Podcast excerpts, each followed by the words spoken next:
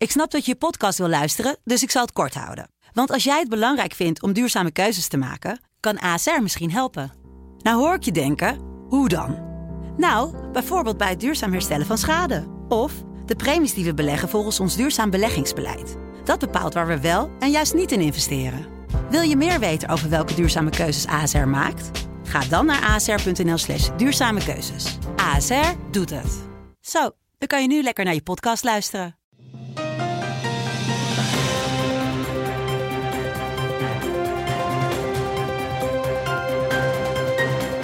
Dit is een podcast van de Telegraaf. In het land van Wierduk met Robert Ophorst.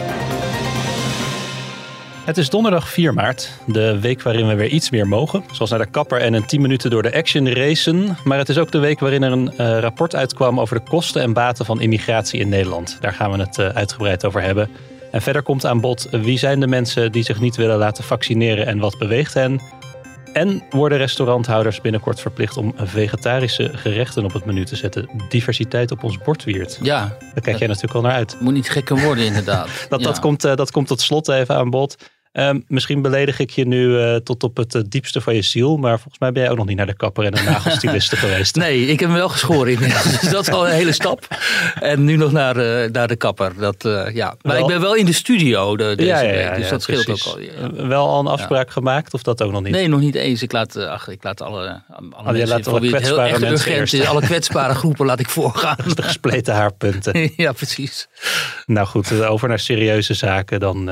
400 miljard euro, ja, dat... Uh, de, dat zijn de netto-kosten van een niet-westerse immigratie voor de Nederlandse schatkist in de periode 1995 tot 2019. Ja. Gemiddeld is dat 17 miljard euro per jaar. En die berekening komt uit het rapport Grenzeloze Verzorgingsstaat. De gevolgen van immigratie voor de overheidsfinanciën. Het is een uh, rapport van uh, twee economen en twee sociaal wetenschappers. Jan van der Beek, Joop Hartog, Gerrit Kreffer en Hans Rodenburg. Oude rotten in hun vak. Oude rot in hun vak, inderdaad. Kijk je op van dat bedrag, 400 miljard? Um, nou, dit is natuurlijk wel echt heel veel. Um, Evenveel als de aardgasbaten, totale aardgasbaten van, uh, van Nederland. Precies. He, en um, kijk, er valt natuurlijk op. Er is wel eerder een aantal keren is uh, geprobeerd te onderzoeken wat die uh, immigratie nou Nederland heeft gekost. Hè. 2003 was er een um, rapport en ook Sibinia heeft voor Elsevier wel Mhm. mm -hmm. zo'n dat, rapport. Uh, dat rapport van 2003 was ook van het, uh, van het Centraal Planbureau. En daar heeft uh, Hans Rodenburg ook zelf aan meegeschreven destijds. Precies, Hans Rodenburg. Hans een van de auteurs die, van het huidige rapport. Precies, die econoom en die is een van de auteurs van dit rapport ook, van Jan van der Beek, wat overigens Onder de koepel van de UvA is verschenen, de Universiteit van Amsterdam. Wat deels is gefinancierd door het uh, Renaissance Instituut. Dat moeten we even, dat is een disclaimer. Ja, dat, dat, is het, het wetenschappelijk bureau van Forum voor Democratie. Maar Jan van der Beek, uh, de hoofdonderzoeker hiervan, die zegt duidelijk: er is geen enkele inhoudelijke bemoeienis geweest vanuit Forum voor Democratie. En dat is misschien ook wel interessant om te zeggen, is. Als je zo'n rapport maakt, als je gaat onderzoeken wat kost die immigratie ons nou, dan is het enorm ingewikkeld om daarvoor uh, geldstromen te vinden. Omdat um, dit type informatie uh, voor heel veel partijen, hè, en dan politieke partijen, maar ook anderszins, uh, onderwijsinstellingen, wetenschappelijke instituten, uh, onwenselijk is. Hè? Maar omdat telkens blijkt, en dat is ook gebleken uit die eerdere onderzoeken, dus dat ene onderzoek van het Centraal Planbureau, en ook op een gegeven moment heeft Wilders voor namens de PVV dat ook nog eens een keer laten onderzoeken. Uh, telkens blijkt dat um, immigratie enorm drukt op um, de samenleving. En ook uh, hè, in allerlei opzichten, maar dus ook uh, financieel-economisch. En dan is het natuurlijk onwenselijk voor partijen die eigenlijk immigratie niet willen stoppen. En dat zijn de meeste partijen, omdat we ons hebben gecommitteerd aan allerlei internationale verdragen. Om dit soort bedragen op hun bord te krijgen en daarmee geconfronteerd te worden. Omdat dan ook de burger natuurlijk gaat zeggen: zeg, luister eens, mm -hmm. waarom eigenlijk laten wij dit toe? Ja. En dat is natuurlijk de cruciale vraag, die hangt ook boven zijn rapport. Waarom doen wij dit eigenlijk? En dat is ook de vraag die Van de Beek oproept in uh, een begeleidend uh, artikel. Hij zegt, als je dan immigratie toestaat, doe het dan zoals in klassieke immigratielanden als Australië, Canada en dergelijke. Zorg voor kwalitatief hoogwaardige immigratie. Want even, hoe doen ze het daar? Nou, daar zeggen ze gewoon, kijk, we laten uh, een bepaald type immigranten laten we toe. Die zijn op, hebben ook een bepaald quotum overigens. Uh, uh, we zorgen ervoor dat dat mensen zijn die redelijk hoog zijn uh, opgeleid. Dus vanaf hbo-niveau ongeveer omdat je aan die mensen, dat wijst dit rapport van Van der Beek ook uit, van de, van de Beek Comsuis trouwens. Omdat je aan die mensen sociaal, of financieel-economisch ook iets hebt. Mm -hmm. Ze gaan bijdragen aan de schatkist, zeg ja. maar. Terwijl alles wat binnenkomt en uh, wat onder dat opleidingsniveau zit. Uh, en vaak in Nederland uh, gaat het natuurlijk om volstrekt ongeletterde mensen hè, uit, uit derde wereldlanden, zoals we dat noemen, die helemaal geen opleiding hebben. Die gaan enorm drukken op je schatkist. die kosten dus alleen maar geld. Die gaan de, de, de, de uh, uitkeringen in. Die gaan een groot beslag leggen op al die sociale arrangementen die we hebben, de toeslagen en dergelijke. En uiteindelijk blijkt dan, als je kosten en baten bij elkaar optelt, voor zover je dat kunt hè, bij mensen, dat is natuurlijk wel een beetje een morele kwestie, maar goed, dat is wat hier nu eenmaal gebeurt in dit onderzoek. Uiteindelijk uh, kosten deze mensen uh, de samenleving gewoon heel veel geld. Ja. Maar nou zeg je inderdaad, dat is een, een, ook een morele kwestie. Dat zullen partijen natuurlijk tegenwerpen van ja dat kun je wel uitrekenen, maar wat schiet je ermee op bij? Moeten wij dan uh, de deur dicht houden voor oorlogsvluchtelingen bijvoorbeeld? Ja, uh, en dat is wat ook telkens gezegd wordt, hè, vooral op links natuurlijk, maar ook wel vanuit het CDA. Die hebben natuurlijk ook zo'n hele sterke vluchtelingenbeweging en zo. Uh, van je kunt mensen niet in een economisch format drukken. Je kunt, hè, mens zijn is natuurlijk veel meer dan wat breng je op of wat kost je de, de staat. En dat hebben ze natuurlijk gelijk in. Alleen uh, dat zegt Van de Beek ook, uh, dit doen we altijd. Ja. Dit doen we heel vaak. We gaan ook, als we de gezondheidszorg uh, gaan optuigen, dan gaan we ook kijken wat kost nou eigenlijk die zorg per patiënt. En wanneer is het nog, loont het nog om mensen te blijven verzorgen als het enorm veel geld kost en ja. hun vooruitzicht op een kwalitatief nog extra levenstijd is eigenlijk nihil. Mm -hmm. Dan wordt ook gezegd, ja, dit, dit nee. kost en baten wegen niet met elkaar op. Net zo met hè, die, die discussies over hele dure medicijnen. En ja. zo voor heel weinig patiënten. Hoe cynisch het ook is, eigenlijk wordt alles doorgerekend in Nederland. En of, of het nou gaat om het plaatsen van uh, verkeerslichten tot uh, inderdaad medicijnvergoeding. Ja. Dat is zo, alles wordt doorgerekend en dan uitgerekend op zo'n fundamenteel onderwerp als het toelaten van hele grote groepen immigranten. Um, zouden we dat niet doen? Want dan uh, zegt men vanuit bijvoorbeeld de Partij van de Arbeid, ik meen dat Eberhard van der Laan het heeft gezegd, uh, hè, of vanuit GroenLinks, wordt dan gezegd, ja, maar zo gaan we niet met mensen om. Hè. Zo, gaan, zo praten we niet over mensen. En dat is natuurlijk een heel lekker makkelijk standpunt. Hè. Want met zo'n standpunt trek je natuurlijk weer kiezers die dat ook vinden en die voelen zich dan weer heel goed daarbij en zo. Maar deze politici die dit zeggen, uh, die, dat zijn korte termijn denkers. Want zij weet drommels goed wat die massa-immigratie op de lange termijn met dit land doet. Met de samenstelling van de bevolking, maar ook gewoon met de schatkist, hè, met, ja. met, met de begroting. En ze weigeren uh, dat onder ogen te zien. Althans, ze weigeren dat te benoemen, omdat ze weten dat hen dat dan uh, stemmen gaat kosten. Ja, want het, het rapport berekent ook op basis van de CBS prognoses uh, de kosten voor de komende 20 jaar bij ongewijzigd beleid. En dan komen, komen ze uit op 600 miljard. Dus ja, het loopt is... ook eigenlijk alleen maar op dan. Precies. Als alles is... hetzelfde zou blijven. Ja, dat zou dan inderdaad de 600 miljard zijn. En, uh, en het, het, wat, wat je, als je dit rapport leest, het is overigens iets van 230 pagina's of zo. Dus het is een enorme hap. En ik wil mensen echt aanraden, luisteraars, om hier eens doorheen te gaan en artikelen hierover te lezen en, en je goed te informeren. Omdat je enorm goed beslagen ten ijs kunt komen als je deze cijfers paraat hebt. Uh, in discussies met uh, je medemensen, mm met je medeburgers. Uh, maar uiteindelijk is de, de lectuur hiervan is eigenlijk heel deprimerend. Omdat wat hieruit blijkt is precies wat jij zegt. Het gaat als bij ongewijzigd, als we bij ongewijzigd beleid blijven, gaat het ontzettend veel geld kosten. En op zichzelf is dat misschien niet zo erg. Hè? Dat is gewoon ook een morele politieke keuze die je maakt. Oké, we hebben gewoon hier heel veel geld voor over. Alleen de uiteindelijke conclusie, en dat is waar Jan van der Beek al jaren op hamert en waarmee die steeds maar weer wordt weggezet als hè, rechtspopulistisch en zo, maar waarin hij gewoon groot gelijk heeft, dat is dat, oké, willen we dit, dan moeten we de verzorgingsstaat opgeven. En wij zijn nu eenmaal bij uitstek, en dat is ook onze grote trots, en dat is een, een enorme uh, historische prestatie van landen als Nederland. Dat wij een verzorgingsstaat zijn. Mm -hmm. Dus omdat wij ooit hebben besloten, wij gaan solidair zijn met zwakkeren. Wij gaan, uh, jongeren gaan solidair zijn met ouderen. Rijkeren gaan solidair zijn met armeren. De sterkste schouders dragen de zwaarste lasten. Precies wat jij zegt. Um, uh, dat is een enorme, en dat vergeten mensen vaak, een enorme prestatie geweest. En uh, die komt heus niet alleen vanuit links hoor, die komt ook vanuit de oude KVP en zo, noem maar op, dus vanuit de christelijke partijen. Um, en dat is een keuze geweest, een fundamentele keuze van hoe willen wij onze samenleving indelen.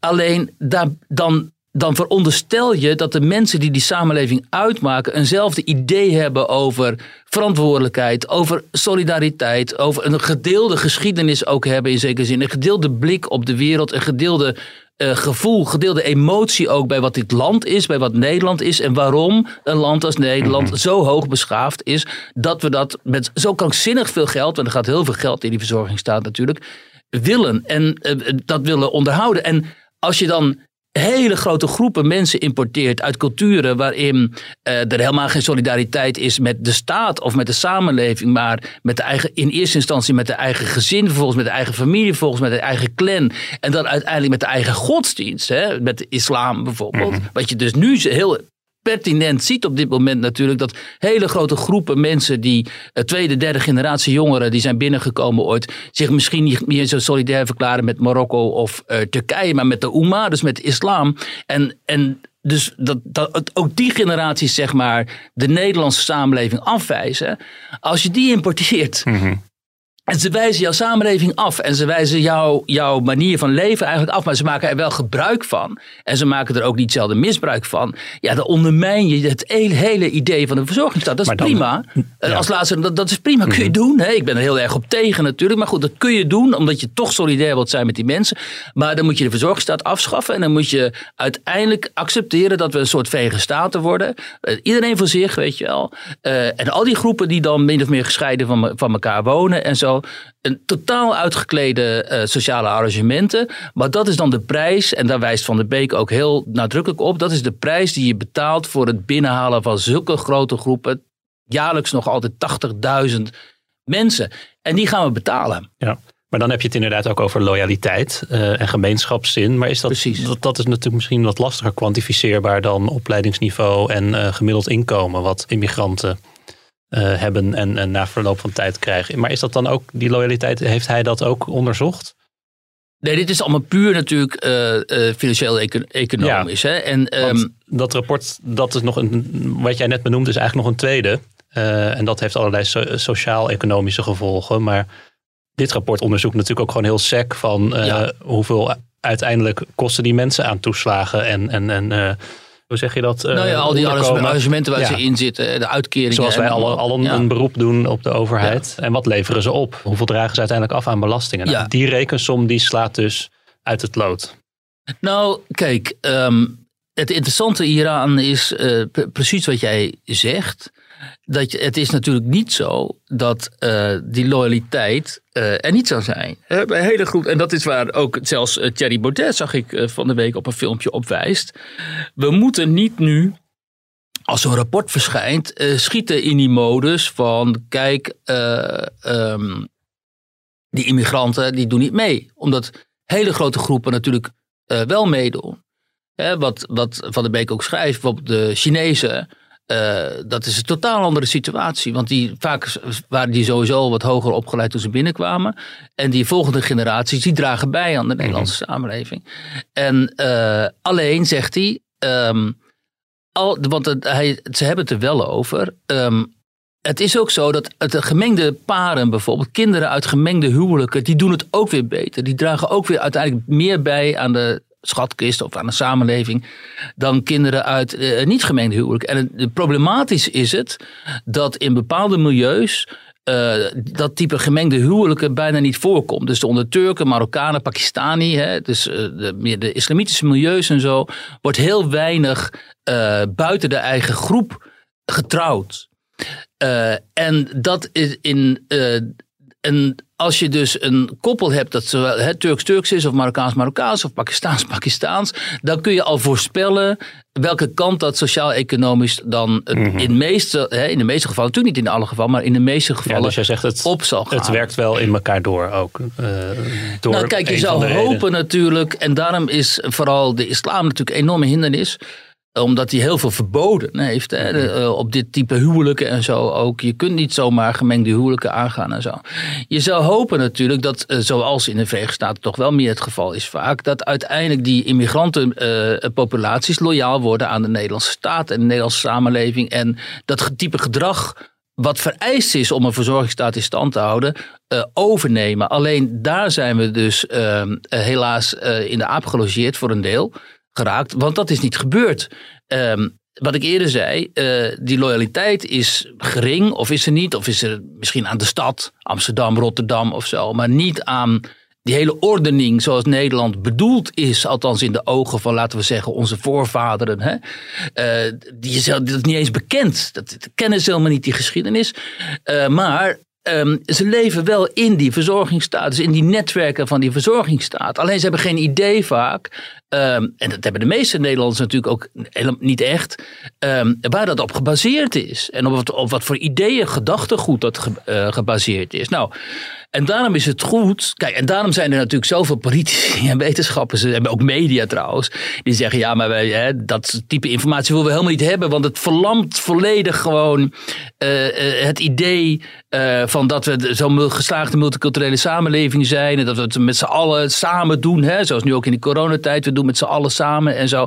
Eh, dat, daar is dit natuurlijk een enorme spiegel. Zo'n rapport is dan, komt als een enorme spiegel en als een enorme boemerang, omdat dit rapport eigenlijk zegt: ja, maar dat is helemaal niet zo. Nee, een van de dingen die dan vaak worden gezegd in- ter verdediging zijn van ja, Europa vergrijst nou eenmaal en Nederland ook. Ja. En dan hebben we immigranten nodig. Ja, dat, en Dat dat, wordt- dat is dus ook een drogreden, omdat eh, immigranten worden ten eerste worden die ook oud, dus je gaat ook verzorging nodig hebben. Eh, en eh, bovendien immigranten uiteindelijk, die zorgen er ook niet voor dat die ontgroening, zoals het heet, dus stopt. Omdat na één of twee generaties migranten ook het een gering aantal kinderen, net zo gering aantal kinderen voortbrengt als dat niet-immigranten. Dus wat dat betreft passen ze zich wel goed aan aan de In Nederlandse die zin, mores. precies, in die zin passen ze zich goed aan. Maar ja, voor een heel groot deel zitten ze, doen ze die aanpassing dus binnen die eh, arrangementen van die eh, verzorgingsordening. Mhm. eh, waardoor zij vooral geld krijgen van de staat. En in plaats van dat zij geld afdragen aan, eh, aan de staat. Nou ja, dat klinkt allemaal. Kijk, als je er zo over sec over praat, klinkt het al natuurlijk allemaal heel kil en, Ja. en naar en zo. En, eh, en dat, het, het interessante ook aan Jan van der Beek is die bekentenis die hij doet op een gegeven moment. Dat hij op een gegeven moment ook. Hij is met het onderzoek bezig, hij is die tekst aan het schrijven. En op een gegeven moment denkt hij, ja, ik vind dit zelf ook wel heel kil zo langzamerhand. Dus dat hij, dat hij bij zichzelf, eh, zeg, in een soort gewetensfunctie begon daar te knagen, kennelijk. Dat hij, dat, dat hij opmerkte dat hij een beetje, als hij, als hij dan wat positievere cijfers kon aanleveren of positievere conclusies kon trekken, dat hij die een beetje begon aan te dikken. Zo van, het is niet alleen maar kommer en kwel en zo. Ehm, oh ja, en dat is natuurlijk, dat, dat kan ik me ook heel goed voorstellen, omdat je het uiteindelijk natuurlijk over mensen hebt. Maar vergeet niet, hè, mensen die nu weer gaan zeggen, oh, oh, extreem rechts, bla, bla, bla. Dat is allemaal onzin, omdat ehm, dit probleem is al door Koen Teulings al in de jaren negentig eh, aangestipt. Hè, die econoom en oud-CPB-directeur. maar ook Paul Scheffer bijvoorbeeld, hè, de socioloog die de multiculturele, multiculturele drama schreef. Ja. Die is hier ook over begonnen. Het is gewoon eh, ook niet zo moeilijk om te begrijpen dat... ehm, Massa-immigratie en de eh, samenleving zoals wij die hadden ingericht, gewoon niet met elkaar in overeenstemming Nee, zijn. hij zegt ook van. Nederland is eigenlijk bij uitstek heel slecht geschikt daarvoor. Omdat we een uitgebreide en toegankelijke verzorgingsstaat hebben. En we een klein en dichtbevolkt land zijn. Dus dat is eigenlijk een recept voor. eh, nou ja, ongeluk is, is misschien niet het goede woord. Maar dat maakt het eigenlijk wel heel lastig om op grote schaal eh, migranten op te nemen. Ehm, en, een ander ding wat wel interessant is, wat hij ook zegt van de Beek. Van, eh, nog even terugkomend op die subsidie van het Renaissance Instituut. Het wetenschappelijk instituut van het bureau van eh, Forum voor Democratie. Dus die een, een financiële bijdrage hebben geleverd om dit onderzoek mogelijk te maken. Eh, nogmaals, die volgens hem dus geen inhoudelijke, geen enkele inhoudelijke bemoeienis hebben gehad. Bemoeienis hebben gehad. Maar hij zegt ook van ja, juist doordat dat uh, ogenschijnlijk het taboe er uh, bij andere instituten en partijen op ligt, kom je automatisch steeds weer uit bij bijvoorbeeld Forum, maar eerder ook PVV, die dan wel aan het rekenen slagen, waardoor het ook verdacht blijft. Ja, dus dat- het zou juist eigenlijk goed zijn voor de discussie als partijen als het CDA en PvdA dit ook eh, zouden eh, doorrekenen en bespreekbaar maken. Ja, dat is heel, heel belangrijk dit. En dat is ook zo verwijtbaar. Dat vind ik zo verwijtbaar aan de, eh, zeg maar de mainstream eh, partijen, de middenpartijen, VVD, eh, CDA, Partij van de Arbeid. Eh, zij die pretenderen dus hè, de rentmeesters van deze samenleving te zijn. Die pretenderen het beste met de Nederlandse bevolking voor te hebben en ook het beste met de Nederlandse economie. En dat ze dit thema gewoon taboeiseren eigenlijk. Ehm, dit ze daarmee zich- drijf je al die. eh, Daarmee drijf je, hè, en niet alleen dit thema, maar ook een aantal andere heikele thema's van deze tijd, waar wij het in de podcast heel vaak over hebben. En waarom, waar je dan ook heel veel kritiek mee oogst, om, eh, oogst omdat deze, te- een aantal, de- deze thema's gewoon getaboeiseerd zijn door het midden.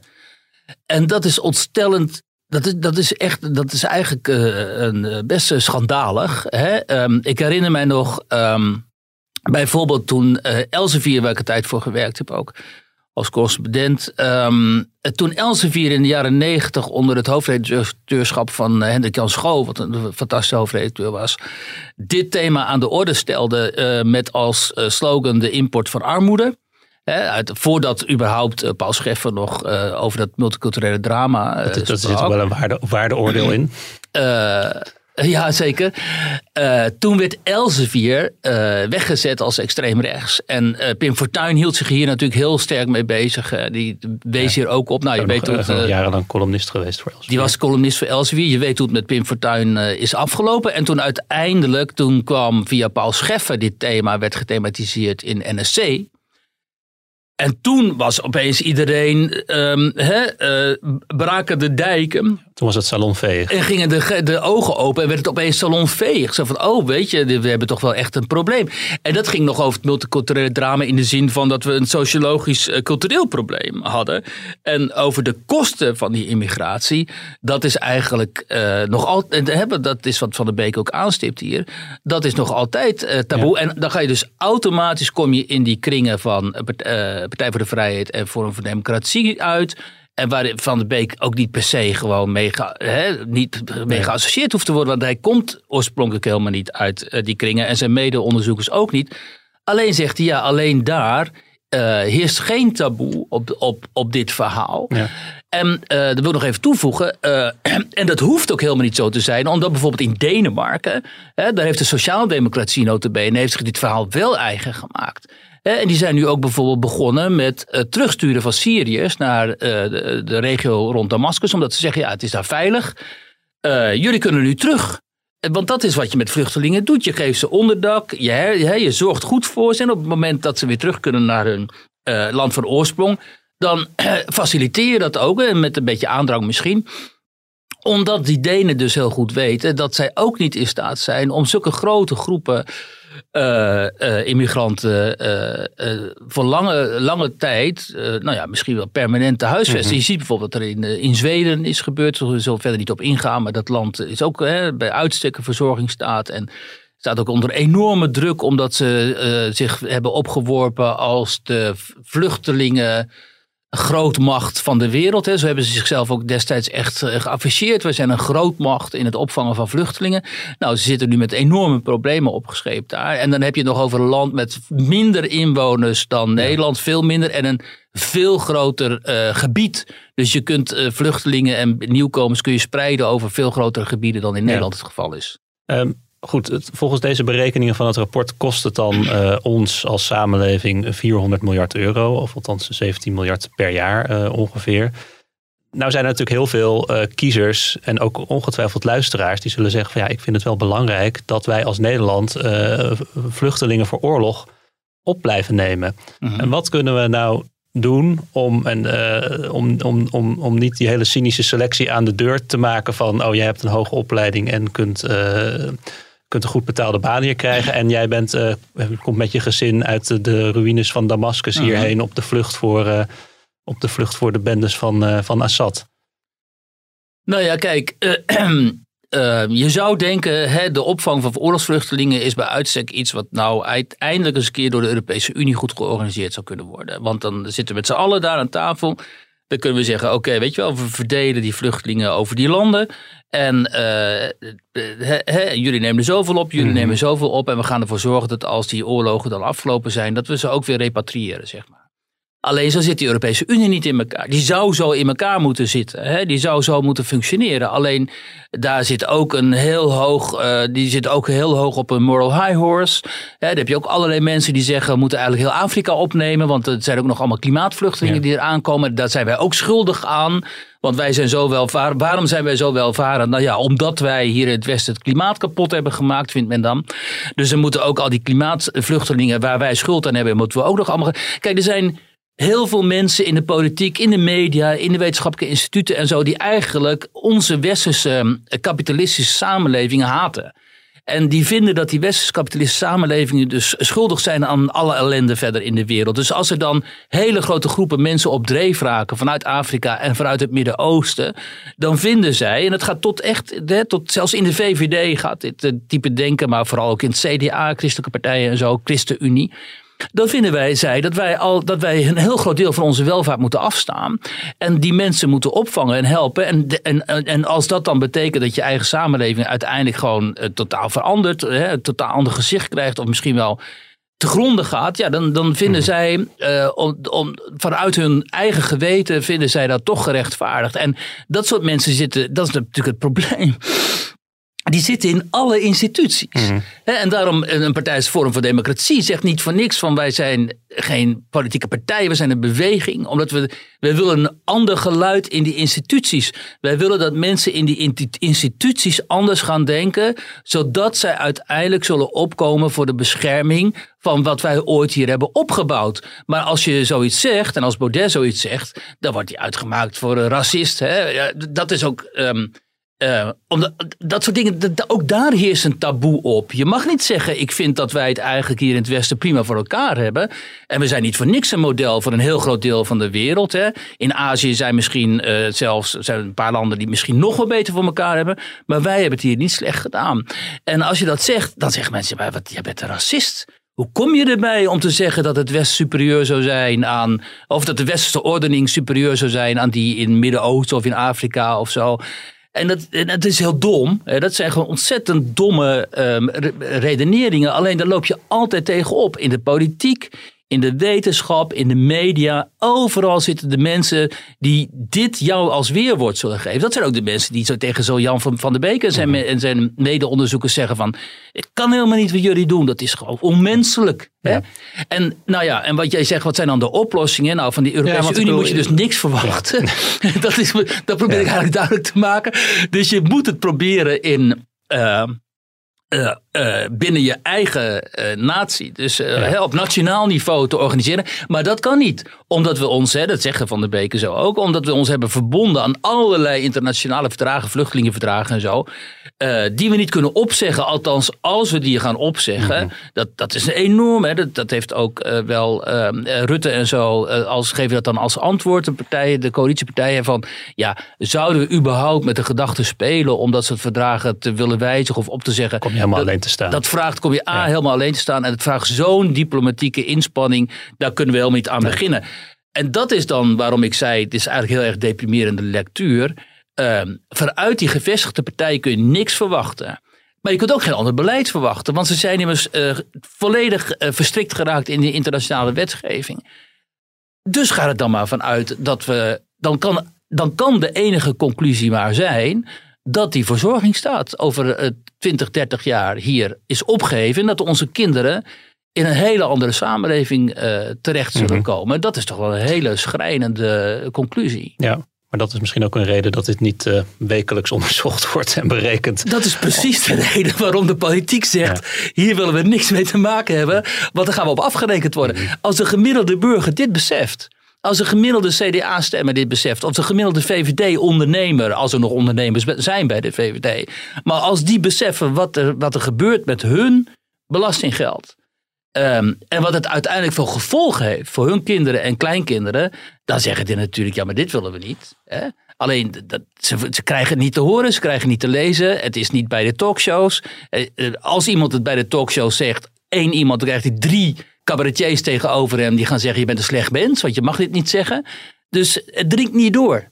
En daarom is het zo belangrijk om, om voor mensen om dit rapport zelf eens te lezen en hun eigen conclusies te trekken. Want um, je, um, nu worden er allemaal uh, hindernissen opgeworpen voor mensen om dit soort informatie tot zich te, te krijgen. Maar ja, het rapport is gewoon online beschikbaar, dus ze kunnen het gewoon zelf lezen en lezen en huiveren zou ik zeggen.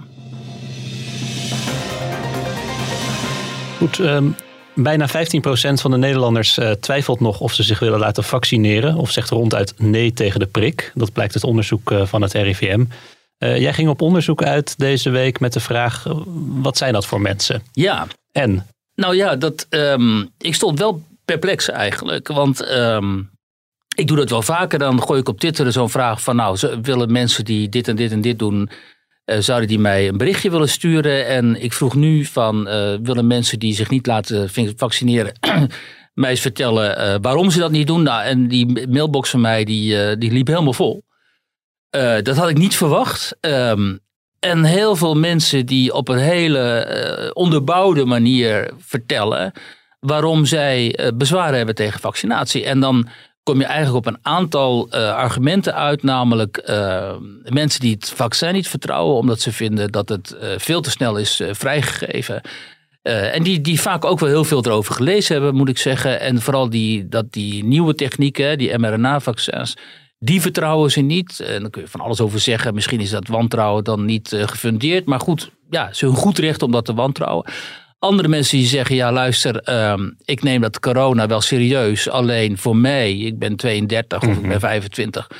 Voor mij zal het niet direct uh, hele ernstige gevolgen hebben. Dus uh, ik zie niet zo goed waarom ik me moet laten vaccineren. Want zijn het allemaal mensen die uh, om wat voor reden dan ook het idee hebben dat ze zelf minder te vrezen hebben van corona? Of zijn het ook mensen die zelf wel besmet zijn geweest en er flink ziek van zijn geweest? Uh, uh, nou, niet mensen die zelf corona hebben gehad, die heb ik niet uh, gehoord. Maar wel mensen die in de omgeving, dus mensen hebben of mensen kennen met corona. Um, en ook niet per se mensen die categorisch die vaccinatie afwijzen. Ja, want je moest vooral niet het woord wappie noemen bij ze, want dan worden ze, dan worden ze woest, geloof ik. Ja, en wat maar het mij op. Uh, wij denken dan onmiddellijk aan het zijn allemaal en zo. Uh, vanuit ideologische uh, overwegingen. Uh, maar dat zijn ze niet. De mensen die ik aan het woord laat in het stuk van mij ook in de krant, die zeggen ook, ja, ik heb gewoon alle vaccinaties doorlopen als kind. Het hele vaccinatie, Rijksvaccinatieprogramma. Uh, en als ik naar uh, landen ga met enge ziektes, dan laat ik me ook vaccineren. Alleen dit specifieke vaccin vind ik nog onbetrouwbaar. Ik vrees de bijwerkingen. Ik vrees de lange termijn werkingen ervan. En ik vind corona niet, um, COVID niet een ernstig voldoende aandoening om op basis van het gevaar mij te laten vaccineren. Omdat ze zeggen, ja, maar een heel klein deel van de bevolking wordt daar zwaar ziek aan. En voor het overgrote deel is het toch meer een loopneus of een beetje een pijnlijke keel en zo. En dan is het voorbij. Um, uh, en ja, kijk, um, en ik, uh, ook artsen zelfs die zeggen: Nou ja, ik ben arts en ik vind, uh, ga eerst maar eens gewoon gezond leven, slik voldoende vitamines en vooral vitamine D, ga de zon in en sport en leef gezond. En dan kun je ervan uitgaan dat je immuunsysteem wel bestand is tegen mhm. dat virus. Het nou, wordt, wordt wel steeds moeilijker met de huidige lockdown-maatregelen om ja, Filtersport. Um, nou ja, maar daarom moeten mensen ook zeggen, dat vind ik ook zo raar. Hè? Dan rij je door, de, door Nederland en dan zie je overal die billboards waarop staat... samen tegen corona blijf thuis. Uh, dat vind ik heel fout, weet je wel. Samen tegen corona betekent niet dat je moet opsluiten in je huis. Dat betekent dat je afstand van elkaar houdt, rekening met elkaar houdt. Maar je moet wel gewoon naar buiten gaan. Want, je, hè, want buiten in de buitenlucht zul je elkaar heus niet zo snel besmetten hoor. Even over dat afstand houden, want een van de mensen die jij eh, voor dat verhaal sprak, uh, die heet Gerard Lok. Die heeft een, uh, een, een, marketingbedrijf, of hij is mede-eigenaar daarvan. Um, maar ik vond het wel een beetje tegenstrijdig in zijn verhaal. Dat bedoel ik niet als kritiek hoor, maar hij zegt van... Uh, ja, de druk die wordt uitgeoefend om ons te laten vaccineren vind ik te ver gaan. Je kunt al zoveel doen met preventie en antivirale medicatie. Maar dan vertelt hij ook in hetzelfde verhaal uh, dat hij wel zijn moeder van 83, ondanks op haar verjaardag, een, een kus en een knuffel gaf. Ja. En dan denk ik van ja, dat gaat.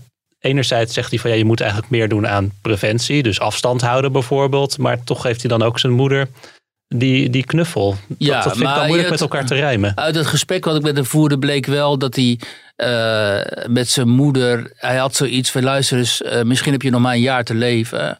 En eh, het is absurd om zo weinig fysiek contact te hebben. Eh, dus, en hij gaat ervan uit dat hij niet, niet hè, dat, hij, dat vaccin niet, of dat eh, virus niet bij zich droeg. Dus hij vond het gewoon het risico waard om Mhm. dat te nemen. Dus het ook een soort kostenbatenanalyse die die maakte.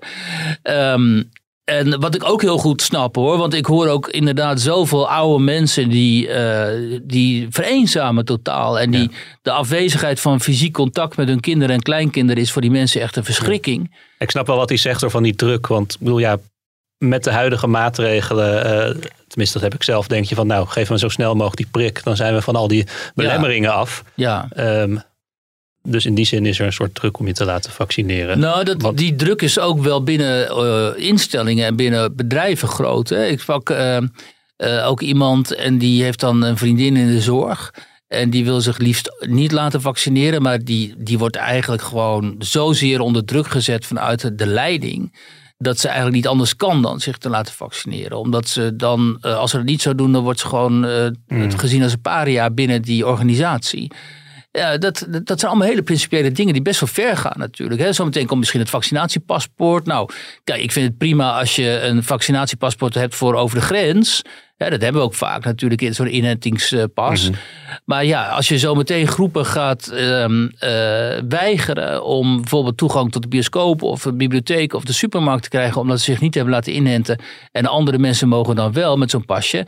Eh, dat is toch een hele eh, principiële eh, Ja. besluit dan. Daar moet je echt wel heel, heel goed over debatteren. En heel gefundeerd eh, totdat zo'n zo'n besluit komen. Want het wekt erg veel ergernis op bij mensen, merk ik. Ja. Ehm, nou heb je bijvoorbeeld voetbal, voetbaltrainer Foppe de Haan. Die hangt dan met opgestroopte mouwen in, in Abris door heel het land. Als Ja. een van de gezichten van de overheidsvaccinatiecampagne. Ik al ongeveer 15% van de Nederlanders twijfelt nog. Of, of eh, zegt, in, zegt in principe nee. Ik begrijp dat voor om groepsimmuniteit te bereiken... dat 70 tot 90 procent van de bevolking gevaccineerd moet zijn. Of anderszins resistent. Moeten we die Moeten we deze twijfelaars nou nog over de streep proberen te trekken? Of maakt het niet uit dat er gewoon een, een, een groep zal blijven die. Nou, Geen het blijft vaccin altijd een groep. Het vind ik interessant. dat Zo'n groep van mensen tegendraadse types is altijd zo rond de 15% of zo. Hè? Ook mensen die in het rechtspopulistische spectrum, dat is ook altijd zo- zo'n hardcore van 15%. En dat kan dan af en toe als zo'n fortuin ontstaat of Wilders is opeens weer heel populair, dan kan dat zich wat uitbreiden en zo. Maar de harde kern in de samenleving van mensen die zich eigenlijk gewoon nou ja, tegen het ge- bestaande gezag keren, tegen, de de gevestigde orde, ja. ja. Dat is altijd zo'n 15% En die ga je ook niet meekrijgen, denk ik. Ehm, ehm, ik denk ook, wat ik ook wel zo zie en zo, dat er ook ehm, op veel grotere schaal toch ook wel met de regels eh, de hand wordt gelicht. eh, hè, vooral in jongeren, onder jongeren dan, dan, eh, dan, dan we denken.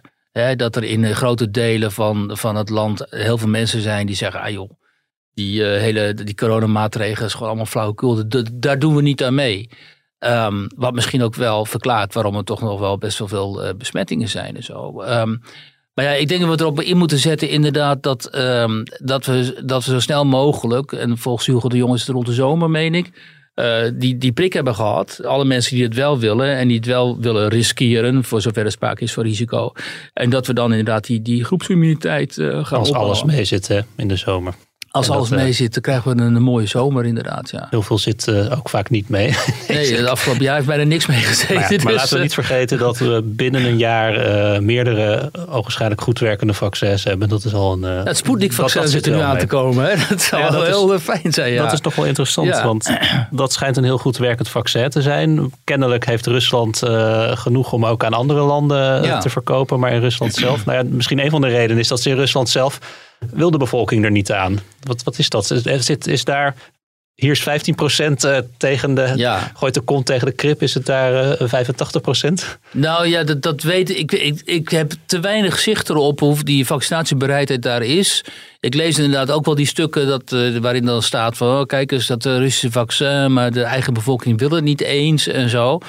Ehm, Uh, en dat zou heel goed kunnen, omdat uh, Russen en uh, die koesteren een gezond wantrouwen jegens de centrale macht. En dat niet alleen, hebben vaak enorm de pest aan lijkt me, dat lijkt Kremlin. Me zeer terecht. En ook niet onterecht, gezien hun geschiedenis en zo. Die is nogal bloedig. En het, de centrale macht heeft zich daar nou niet bepaald onderscheiden in de humaan gebruik van de eigen bevolking. of humaan optreden. Um, dus dat zou heel goed kunnen dat ze, een, dat, ze dat heel veel Russen dat niet willen. Maar vergeet ook niet. Um, ik denk dat voor heel veel Russen ook, uh, omdat het natuurlijk een heel groot land is met een heel dun bezaaide vaak bevolking, dat het voor heel veel Russen helemaal niet aan de, buiten de steden helemaal niet aan de orde is. Die, dat hele COVID. En uh, dat het eigenlijk een beetje ver weg show is. En dat het vooral de grote steden raakt. Um, maar Um, wat mij vooral interesseert is dat toen de Russen kwamen met dat idee van een vaccin, dat daar toen zo smalend op gereageerd werd uh, voor een heel groot deel in het Westen. En dat toen bleek dat heel veel mensen die uh, kritiek hebben op Rusland, of ook al mensen die geen kritiek hebben op Rusland, maar die dan wel iets zeggen over Rusland, helemaal geen idee hebben van dat Rusland inderdaad gewoon een betrouwbaar vaccin op korte termijn kan ontwikkelen, omdat daar een hele grote wetenschappelijke traditie bestaat. En daar gewoon hele knappe koppen, knappe wetenschappers actief zijn, die net zo goed als dat wij in het Westen dat kunnen, uh, tot, dit soort, uh, dat, tot, tot, dit soort toch wel vrij grootse prestaties um, uh, in staat zijn. En nu, en dat is natuurlijk wel heel schrijnend, hè, uh, nu dus de nood aan de man is en we te weinig vaccins hebben van de leveranciers die, wij op het oog hadden, waarvan, waarmee wij zaken doen. Nu hoor ik dat de Europese Unie versneld gaat, gaat proberen om dat Sputnik 5 vaccin ook gelegaliseerd te krijgen, zodat we dat ook hier kunnen gaan gebruiken. Ja, dat is natuurlijk, die Poetin die lacht in zijn vuistje natuurlijk, maar dat is ook wel weer een, een signaal dat mensen in het Westen gewoon helemaal geen goed idee hebben van Rusland is. Kijk, het Kremlin, uh, die corrupte kliek daar, die de macht heeft, die oligarchen en zo, dat is een deel van Rusland. Maar daarnaast is er nog een Rusland met eh, niet alleen hele aardige mensen en gewoon normale mensen zoals wij dat hier ook eh, zijn, hopelijk. Maar ook met enorm veel potentie in alle opzichten. In de kunsten, in de muziek in de wetenschap, in de sport ook. Hoewel die sport ook wel enigszins bezoedeld, bezoedeld is naar die dopingaffaire zo. Maar goed, um, de Russen hebben een, een, grote geschiedenis van grote prestaties. Dus mij verbaast het helemaal niet dat dat uh, vaccin succesvol is. Uh, en die mensen die uh, zo smalend moesten lachen, die moeten nu toch wel even, denk ik, um, een paar keer slikken. Ben jij een grote vleeseter eigenlijk? Kip. dat is ook vlees hoor. ook vlees, ja. ja.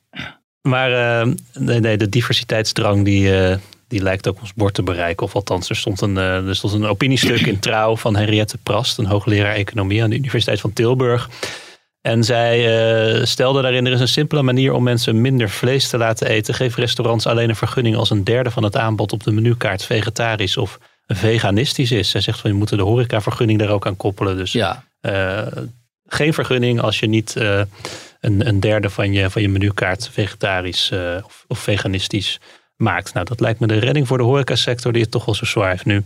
Ja, en daar moesten we het ook even over hebben, niet te lang. Maar uh, inderdaad, in een, in, een, in een periode waarin de horeca ongeveer kopje ondergaat. En heel veel van die ondernemers s'nachts wakker liggen over de gedachte van dat ze misschien wel failliet gaan. Uh, komt zij dus met zo'n idee. En ik vind het allemaal prima hoor. Um, uh, mensen moeten eten wat ze willen. En als je veganistisch wil zijn, dan is het ook prima. Ik heb ze tot in mijn eigen familie. Maar. Die, Sommige van jouw beste vrienden zijn Mijn beste vrienden. Maar die permanente drang van deze mensen om de rest van de samenleving hun wereldbeeld op te dringen. En om voor de rest van de mensen in de samenleving te bepalen hoe die moeten leven. Mm uh, ja, dat is, dat is al natuurlijk, dat is van alle tijden en zo. En dat is enorm ergerlijk. Alleen de laatste tijd is dat zo, uh, zo dwingend uh, aanwezig. Hè? Niet alleen dit soort dingen, maar ook de manier waarop we moeten praten. De, de, de woorden die we. Hè, de hele taal wordt gekuist.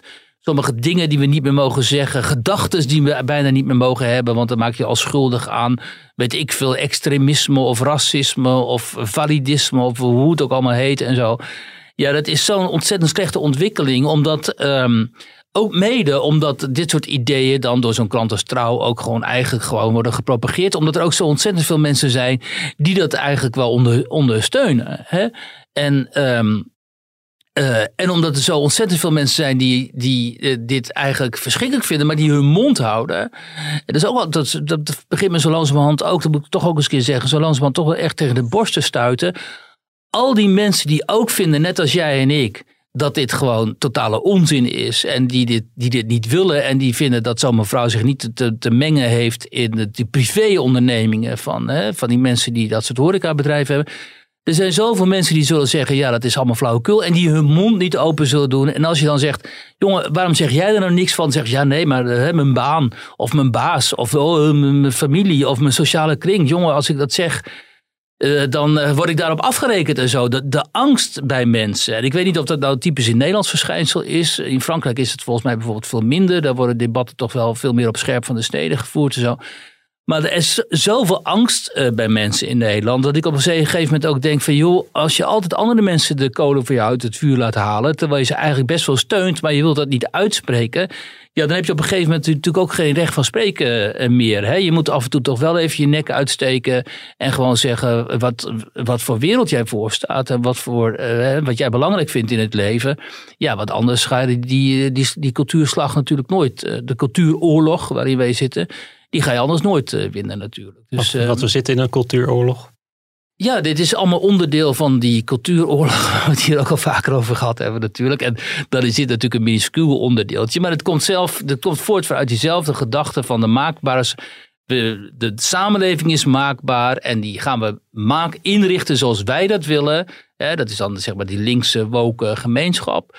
En uh, de rest van de samenleving, ook al willen ze dat niet, die zullen toch uh, uh, die zullen zich toch moeten gaan onderwerpen aan ons wereldbeeld. En daar hoort een bepaalde taal niet in thuis, daar hoort een bepaald gedrag niet in thuis. Daar hoort niet in thuis dat je bepaalde dingen zegt of dat je zo'n onderzoek schrijft, zoals Jan van der Beek. Um, en uh, uh, en het, de grote, en daar kunnen we mee afsluiten, het grote probleem is dat vanuit het fatsoenlijke midden van de samenleving, wat ooit Sibrand Buma, meen ik, het radicale midden heeft genoemd, dat vanuit dat midden veel en veel en veel te weinig um, uh, weerstand uh, dus zo radicaal wordt georganiseerd. Is dat, radicale midden niet meer. Dat radicale midden van Buma is gewoon een luchtballon gebleken. Hè? Dat hele midden is gewoon een slappe hap eigenlijk. Um, en heeft eigen. De, en je ziet het aan iemand. Uh, maak misschien een paar gedachtensprongen. Maar de manier waarop iemand als Pieter Omtzigt. die eigenlijk dat type fatsoen. en dat, dat type standpunten ook verdedigt in de politiek uh, in allerlei opzichten, staatsrechtelijk, maar ook cultureel en, en, en uh, ethisch en zo, is hij eigenlijk bij uitstek vertegenwoordiger van dat type denken, van die positie. En hoe die man is, hoe geprobeerd is in de afgelopen jaren om die man de, niet alleen de mond te snoeren, maar ook uh, puur gewoon uh, koud te stellen, zoals de Duitsers dat zeggen. Nou, dat is een teken. In plaats van hem te omarmen hè, en hem vanuit de partij waar hij deel van uitmaakt, en vanuit de beweging waar hij deel van uitmaakt, op het schild te hijsen en te zeggen: dit is degene die wij nu, zeg maar, die voor ons verwoordt. Wat nodig is tegen al die gektes om ons heen, zowel van rechts, extreem rechts, als van links. Dat is niet gebeurd en dat tekent die enorm slappe knieën bij uh, die centristische partijen. Uh, die, en onder aanvoering natuurlijk van uh, Mark Rutte, die verder helemaal geen visie heeft. En nu hadden we als allerlaatste dan hoopten we natuurlijk een beetje dat Wopke Hoekstra dan die positie zou gaan innemen. En een beetje de, zeg maar, politiek zou gaan combineren met ook een blik op Nederlandse identiteit en cultuur en zo. Maar daar heb ik in het debat wat ik gezien heb tot nog toe ook niks, helemaal niets van uh, teruggezien. Dus ik vrees dat uh, Wopke Hoekstra wat dat betreft een uh, teleurstelling gaat blijken. We gaan, van, we gaan van kip naar omzicht en Hoekstra. Dus er zijn inderdaad ja, een paar gedachtensprongen. ja, precies. Ik hoop dat de mensen het nog begrijpen, maar goed, zo zie ik het. En anders moet u gewoon de podcast opnieuw starten en nog een keer luisteren. En Wiert, dank je wel weer. Dank je wel. En alle luisteraars ook bedankt. Graag tot volgende week. Op 15, 16 en 17 maart gaan we naar de stembus Alles is erop gericht om die verkiezingen veilig door te laten gaan. In aanloop naar de verkiezingen presenteert de Telegraaf de Stembus. Een podcast met het laatste campagnenieuws. Dit is allemaal privé en het onderscheid niet accepteren tussen privé en publiek, dat hoort bij een totalitair regime. Jonge meisjes en vrouwen die kunnen zien, vrouwen zijn ook bazen van de wereld. Het traditionele politieke bolwerk is toch ook met al die mannen is toch ook toch best wel vaak een wedstrijdje verpissen. Ik ben een jaar of 10, 11 geloof ik nu lid van de Friese Elfstedentochtvereniging. Met opvallende fragmenten en een duik in het archief. U kijkt zo lief. Oké. U garandeert. En ik citeer Lachta Brahimi. Toen ik kwam had ik een paar goede ideeën. Het is nu tijd voor iemand anders met een paar goede ideeën. Kom mij niet aan met wappiegedrag. Als er één wappie is, dan bent u het eerder dan ik. Luisteren dus vanaf 1 maart elke ochtend van maandag tot en met vrijdag. Natuurlijk op de site en app van de Telegraaf. En in je favoriete podcastplayer. You ain't seen nothing yet? Ga stemmen voor de nieuwe Tweede Kamer.